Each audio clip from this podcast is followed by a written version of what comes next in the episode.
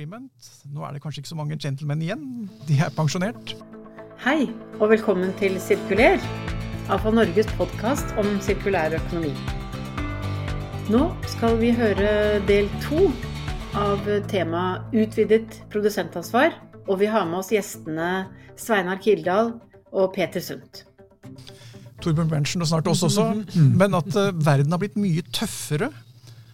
Og Dessverre så er ikke Norge med i EU, men det er veldig mange land i Syd-Europa som er medlem i EU og setter preg på kulturen i EU, som ikke er målstyring, som vi liker i Norge, men detaljstyring. Mm. Og nå får vi den sydeuropeiske modellen, som begynner å ligne litt på diktatoriske land også, med detaljregulering fra Brussel. Mm. Vi, vi spøkte jo altså, veldig mye om agurken i gamle dager, mm. men nå er det veldig detaljregulering som ikke vi likte, for vi likte den friheten og mm. handlingsrommet sammen med kommuner og andre for å finne løsninger. Nå skal alt komme fra Brussel.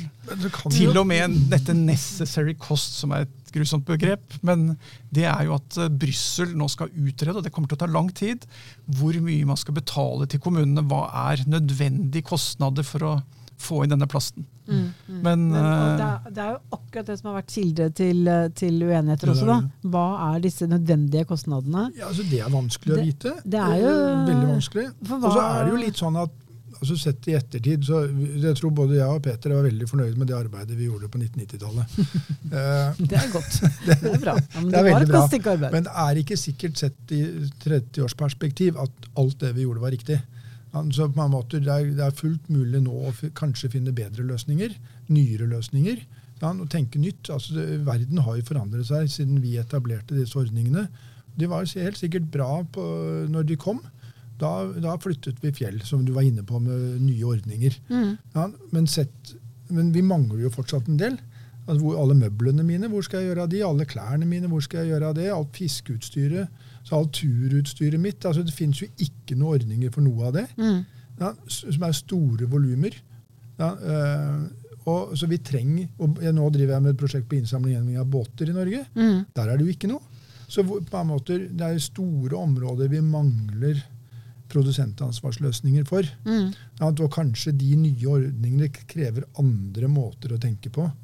Uh, nye løsninger som, som, ikke vi så eh, for 30 år siden, men som har grodd frem nå fordi at verden endrer seg. Mm. Um, men altså, er ikke dette fremveksten også av en, en tankegang rundt sirkulærøkonomi? Altså at uh, det her også skal jo, gi verdier? altså at uh, Det handler ikke bare om å håndtere et problem til Nei. slutt. ikke sant? Ja. Altså, du var inne på det til å begynne med. at uh, det Utvidet produsentansvar er at man har ansvar for produktet til slutt. Mm. Men vi ønsker jo å få disse produktene inn igjen, og mm. materialene inn igjen i loopen. Så det er på en måte det, er, det, er det sirkulære ansvaret som vi er mer opptatt av i dag. altså Det at det blir en økonomi av dette her. Det er jo en, en, en litt det, annen måte å tenke på. Og det var veldig hensikten. Og et eksempel på hvordan dette var. Når jeg er rådgiver for andre bedrifter, så sier jeg ofte man går skrittvis til verks. Mm. Og vi gikk ja. skrittvis til verks. Ja, vi visste ikke, vi hadde ikke noe industri. Det var ikke noe sorteringsteknologi fra Tomra den gangen, men det har jo kommet etterpå. Så vi måtte gå trappen oppover mm. og utvikle oss. Og etter en liten stund så fant jeg ut at uh, det har Gjenvinnbarheten av plasten har noe med designen og valg av emballasje. Mm. Men den som satt emballasje på markedet, løp gjerne til et reklamebyrå som syntes mm. svart var en stilig farve. Mm. Men den kan jo ikke sorteres, f.eks. Så veldig mye iskrem var i svart mm. emballasje som ikke kunne sorteres. Og det var det jo ingen som visste. Mm. Men når jeg spurte eierne om å jobbe med design for gjenvinning, så fikk jeg en gjett, fordi det var eiernes arbeid. Så, så korttenkt var vi den gangen at det var veldig fokus på prosent, 30 materialgjenvinning. Mm. Løp og greide det, og det gjorde vi som gærne. Men mm. vi har lært mye underveis. Men jeg må jo si etterpåklokskapen også at vi hadde jo veldig god dialog med kommunen i Norge. Og så har det bare, ja, føler jeg at ting tilspisser seg, og det har vært mye mer konflikt i andre land. Ja. Og dessverre så kommer det ofte ned til penger. men mye av dette kunne nok vært bedre håndtert kan vi si, i ettertid. Men da kan jo alle love hverandre nå at når det kommer nye drypp fra Brussel, og det kommer ganske ja, det kommer, he kommer heftige greier i, for en måned siden En tsunami, var det ikke det? Ja. Ja. Mm. Så får man jo sette seg ned istedenfor å løpe til gamle professorer på universitetet som skal skrive lange utredninger om et eller annet eh, mm. feil, holdt jeg på å si Eh, men vi får sette oss ned og finne løsninger, og så får vi sammen tolke signalene fra Brussel. Men mm. alt fra Brussel kommer For det går i retning av, av strengere og strengere? Ja, altså, ja, det, ja, det blir mye strengere og strengere. Og jeg tror kanskje det skyldes at vi har egentlig ikke gjort det godt nok. Altså, vi har underlevert på, på materialgjenvinningsnivåene. Mm. EU på EU-nivå ønsker å være proteksjonistisk. De ønsker råvarer inn i egen industri, og en av de råvarekildene er selvfølgelig brukte varer. Mm. Uh, og, og, der har vi ikke klart i sum å løfte godt nok. Så uh, europeisk industri sliter med, med råvaretilgang og, ikke minst på en del kritiske, uh, sjeldne materialer. Mm. Uh, så på en måte EU som system, i konkurransen over på storpolitikk, i konkurranse med Kina og USA, trenger å få mer råvarer inn i systemet sitt. Uh, og der har, der har liksom ikke systemet levert godt nok. og da går det mye dritt til spille, rett og slett. Altså Mye råvarer blir til dritt og, og havner ut. Og det, det, kan egentlig ikke EU som konkurranse Eh, eh, for, i en globalisert økonomi eh, tåle. Det er ikke sikkert at vi blir like globaliserte etter at Putin har fått herja. Um, det er viktig det du ja. sier, at drivkraften til EU er råvarer og fremtiden. Nå er det krig i verden, og det kommer til å bli verre.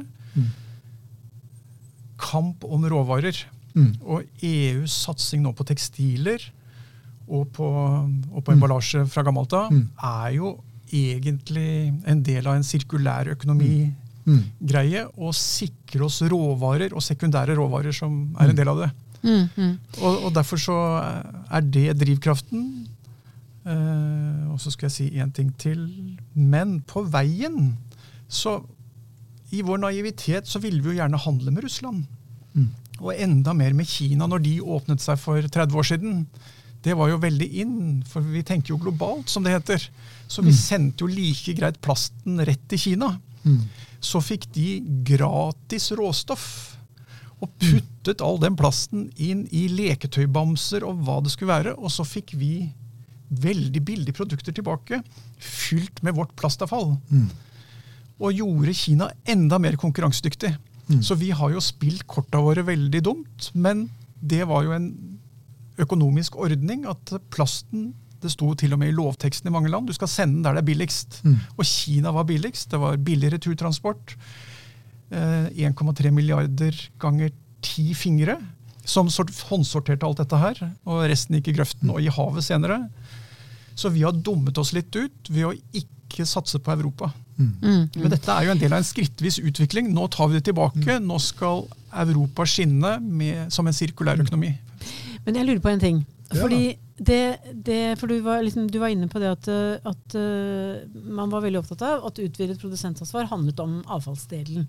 Det var liksom det man skulle sikre. Man skulle, og det var en god ting. Mm. Men tilsvarende eh, satsing på økodesign, så i dag, altså da skal vi se, hva blir det, snart 30 eh, år senere, mm. så er vi Fortsatt så lurer vi på hva er god økodesign. Og nå kommer det nye direktiver fra EU, så må vi liksom hele tiden vente på EU. Ville ikke produsentene også være tjent med å selv ta initiativ til at de har materialer som faktisk kan gå ja, det, er, jo, jeg tror det, det, er jo gode tegn, det er jo noen gode tegn, da. Altså, det er bra. Ja, jeg synes, altså, hvis, hvis du detter litt ned fra disse høye internasjonale, globale perspektivene og, og, og havner i Drammensfjorden. Ja, fint! La oss få et konkret eksempel. Nå, sånn her. Så ligger Norgips, eh, som er en, en, stor norsk eh, leverandør av gipsplater, som i samarbeid med Norsk Gjenvinning har laget seg et, eh, et gjenbrukssystem for gips. Og, og, basisen for det systemet er egentlig en helt ny forretningsmodell. Hvor Norgips faktisk leverer prefabrikerte gipsplater rett inn i bygget. Ja, hvor, sånn at du ikke får kapp på byggeplassen. Og det lille du får av kapp, det kan eh, Norsk Gjenvinning hente. Dagens skryt til Norsk Gjenvinning. Og så eh, går det tilbake og kveles opp og kan lages ny gips av. Men basisen for dette er altså en ny forretningsmodell, som du etterspør, Nancy. Altså, det er ikke bare avfall. Du må starte helt på toppen.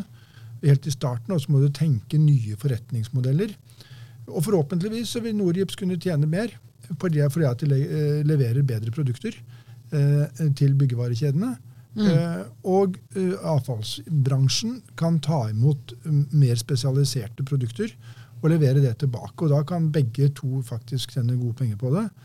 Og det tror jeg må ligge til grunn for de nye modellene. Eh, og da må man tørre å utfordre de gamle forretningsmodellene. Og det kan være vondt. Eh, og det kan koste mange penger.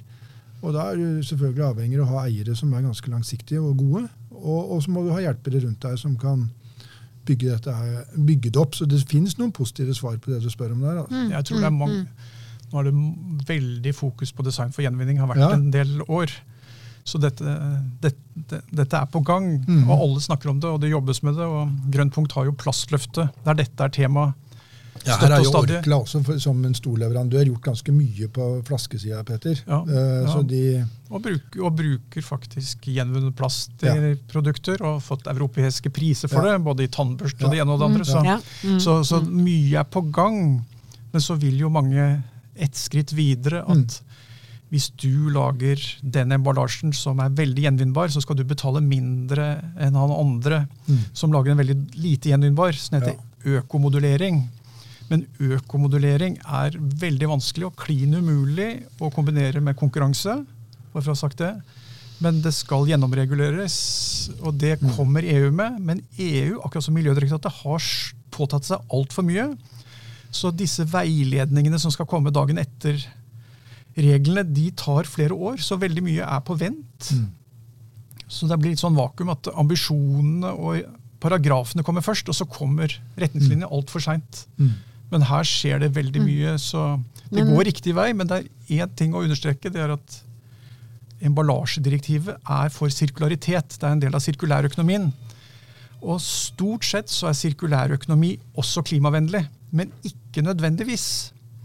Fordi skal du lage en sjampoflaske eller en pakke for mm. kjøtt som er sirkulær, så veier den kanskje litt mer. Og så er det så og så mye prosent som går i kretsløp. Mm.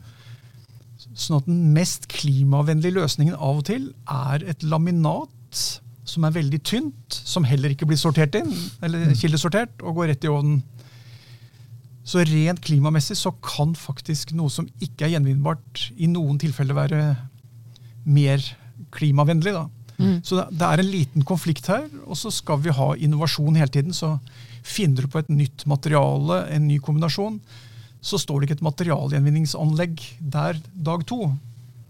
Så det er litt dynamikk her også, men eh, ja, det jo, Men det er sirkularitet mm, som teller i dette direktivet. Ja, for, men det er jo litt spennende å tenke liksom nå, som dynamikken som dere er inne på. da, mm. at, eh, at, eh, ja, men nå ta, Og kanskje nettopp foroverlente bedrifter med, med, med langsiktige eiere mm. leter etter nye løsninger. Og, og, så den, den har vi litt tenk, har vi litt lett for å tenke liksom, hva er problemet i dag, men vi tenker også da ut ifra ja, dagens forretningsmodeller, dagens teknologi. Jeg tror mange gjør det, og det er, tror jeg er ganske naturlig. Og så er det de som da ønsker å utfordre det. og de, de vil vel sannsynligvis lykkes. Uh, og så er det jo også det at veldig mange investorer, både, både fond og private familier, familier og, og, og større selskaper, når de skal investere, så vil de jo ofte investere i den der det over tid kommer til å gå best.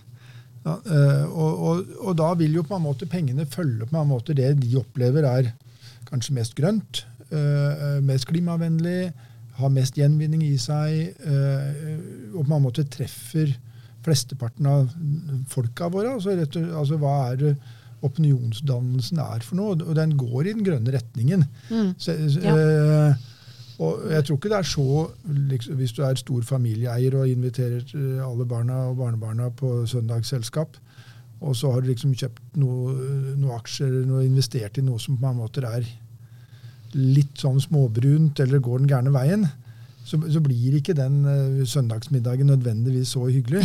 ikke sant?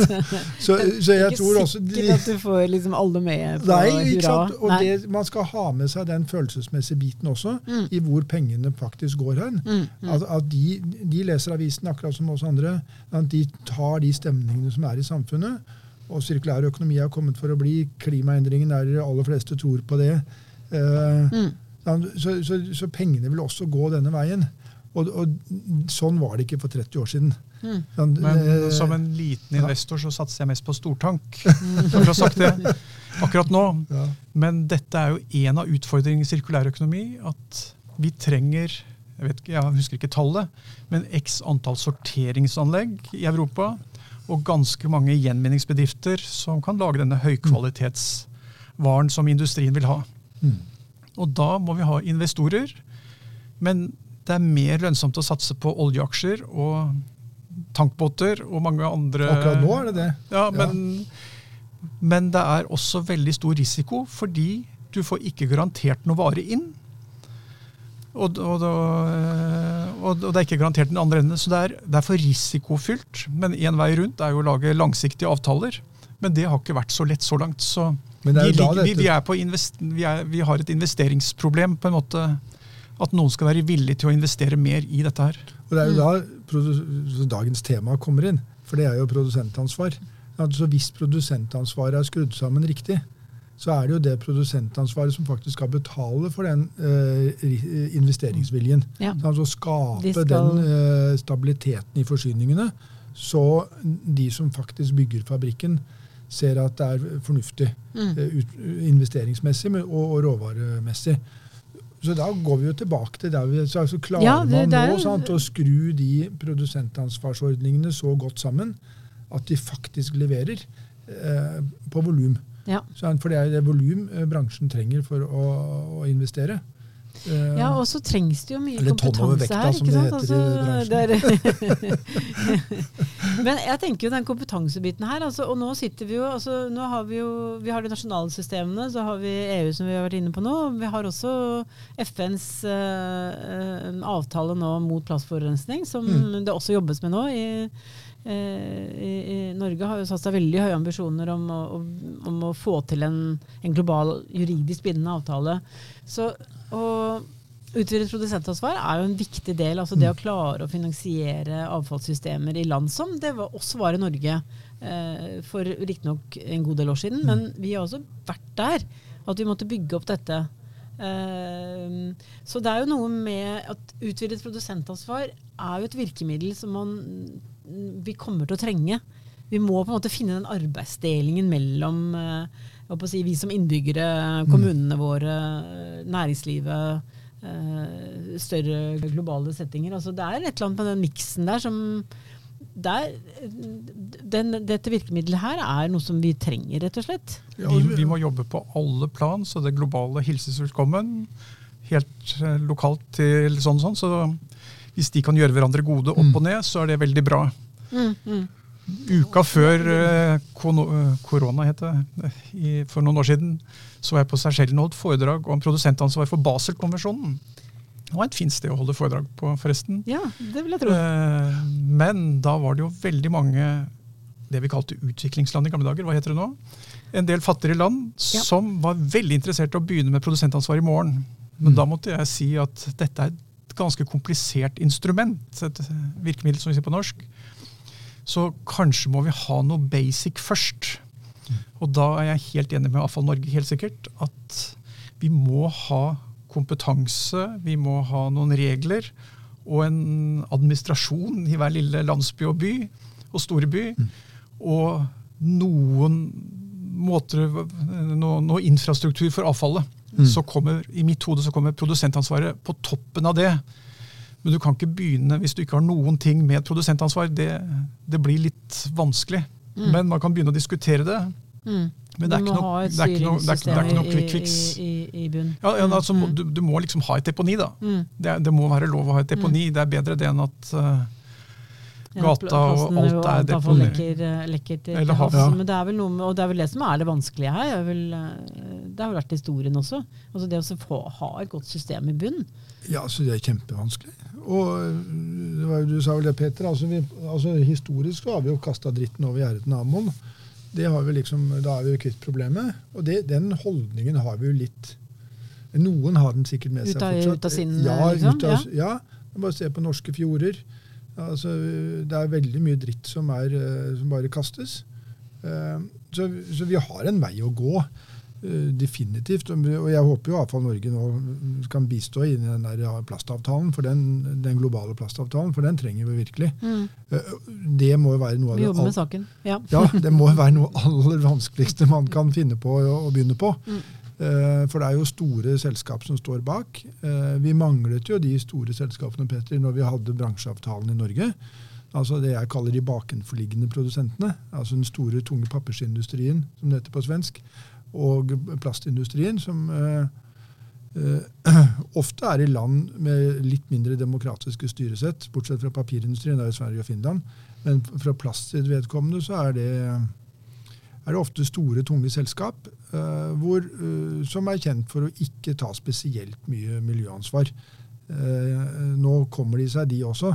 Men det å få Det er en kjempevanskelig utfordring dere er med på. Så good luck til, til deg, Nancy. Og også til Espen Barth Eide, som har tatt dette til sitt hjerte. Så det ja, er jo en ambisiøs. Mm. Så han har virkelig gjort det. Så det skal han jo ha all verdens av kred for på en måte å begynne på.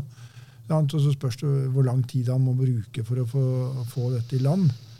Men kanskje, kanskje, bare at noen orker å begynne på det, også er, er et, rikt, et steg i riktig retning. Ja. Mm. Og så er det noe med at uh, prosessen er ofte det beste ja. med ting. At uh, da møtes folk og diskuterer ting, og så er det noen land som er flinke til å lytte, og så er det noen som ikke er så flinke til å lytte, men å mm. prate. Uten å nevne Sverige i EU, men bortsett fra det, så er jo den globale diskusjonen global diskusjonen er jo viktig oppi det hele, mm. og gjerne noen høye ambisjoner, og så beveger vi oss i den retningen. Og det er jo ikke helt utenkelig at man kunne hatt en globalt produsentansvar på sikt. Men meldingen må jo være at mm. først og fremst nå, på emballasje i hvert fall, så har vi et, nei, et regulativ fra EU som bestemmer veldig mye fremover. Og så kommer plastavtalen som noen jobber med, det kommer som en bonus og en ting neste hakk. Men vi kan ikke sette oss og vente på Nei, definitivt at ikke. FN kommer med en det, det, det, Der er du inne på noe. Altså. Nei, og det gjelder jo, produsent, det gjelder jo mm. Produsentansvar. jo Fra dag sånn én at uh, når jeg begynte i 96, hadde jeg ikke en blyant, jeg hadde ikke penger. Det var ingenting. Mm. Og det var én kontorstol som manglet ett bein på det kontoret vi fikk til slutt. Ja, det var for vi hadde satt den inn der. Nei, vi fikk jo ikke lov til å sitte sammen. Dere. Men, men, at dette må utvikles sammen. på en måte. Her, ja. ja. men det er, det, er, det er, ingenting som er ferdigsnekret, og så er det flere prosesser på gang, og det er helt mm. fint. Mm. Mm. Så det globale produsentansvaret for all plast og hvordan det skal se opp mot annen emballasje, det er en annen ting. men at der altså, kan man begynne. Og så må mye gründerskap, ja, men nå må vi gå inn for landing, dere. Ja, for det er en liten eh, refleksjon. Ja, fordi at, nå har vi jo vært innom veldig mye plast og emballasje, men altså, det, det, er en del metaller i denne verden. Og ifølge E-selskapene så klarer ikke man nå å ta ut det kobberet som faktisk er i dagens øh, elektronikkavfall.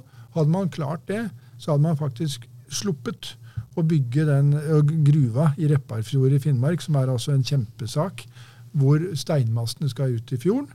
Og, og, det er konflikt både med samiske interesser og lokalbefolkning og masse. Ja, og, og, det er jo bare et eksempel på hadde vi klart de ordentlig gode sirkulære ordninger eh, med produsentansvar i bunn, så hadde vi kanskje hatt mindre naturbelastning. Eh, som er en av de store konfliktene i dette spillet. Det var jo overskriften din. Mm -hmm. så, det, så, også på, på metallsiden så er det, er det, utfordringer, på lik linje som Peter drar opp med på plastsiden og på klimasiden. Mm. Mm. Og dessverre så ja. i Afrika 10% av EA-fallet lekker til Afrika. Ja. Og mye gamle Telenor-kabler har gått eh, hit og dit. Mm. Og de har jo blitt brent for å få ut kobberet. Ja. Så det fins metoder, veldig dårlige metoder. Men hvis det er unnskyldningen, dette må de jo bare få til. Så, så ja, vi, vi, altså det å, som jeg sa i sted, altså det å, vi får bidra, vi som har vært med en stund, og Avfall Norge òg, at man måtte få skrudd de der eh, produsentansvarordningene så godt sammen at de virker bedre fremover. Så at vi får ut flere tonn. Flere tonn over vekta, mer råvarer. Mm. Eh, mindre på deponi og forbrenning. Ja, ja. Det er jo nesten, eh, det er nesten blitt siste ord. Uh, fordi det er jo det som er målet her. er jo å få til en, en sirkulærøkonomi hvor, uh, hvor man Kanskje nå skal jeg bli, bli litt litt, uh, litt, snill avslutning her, men altså at vi har mer felles interesser. Det, ikke, det, har vært konflikter her, og det er in, ilagte interessemotsetninger. Men til, til syvende og sist har vi også en del fellesinteresser her av å skape verdier og, og, og ny lønnsomhet og, og nye modeller. Mm.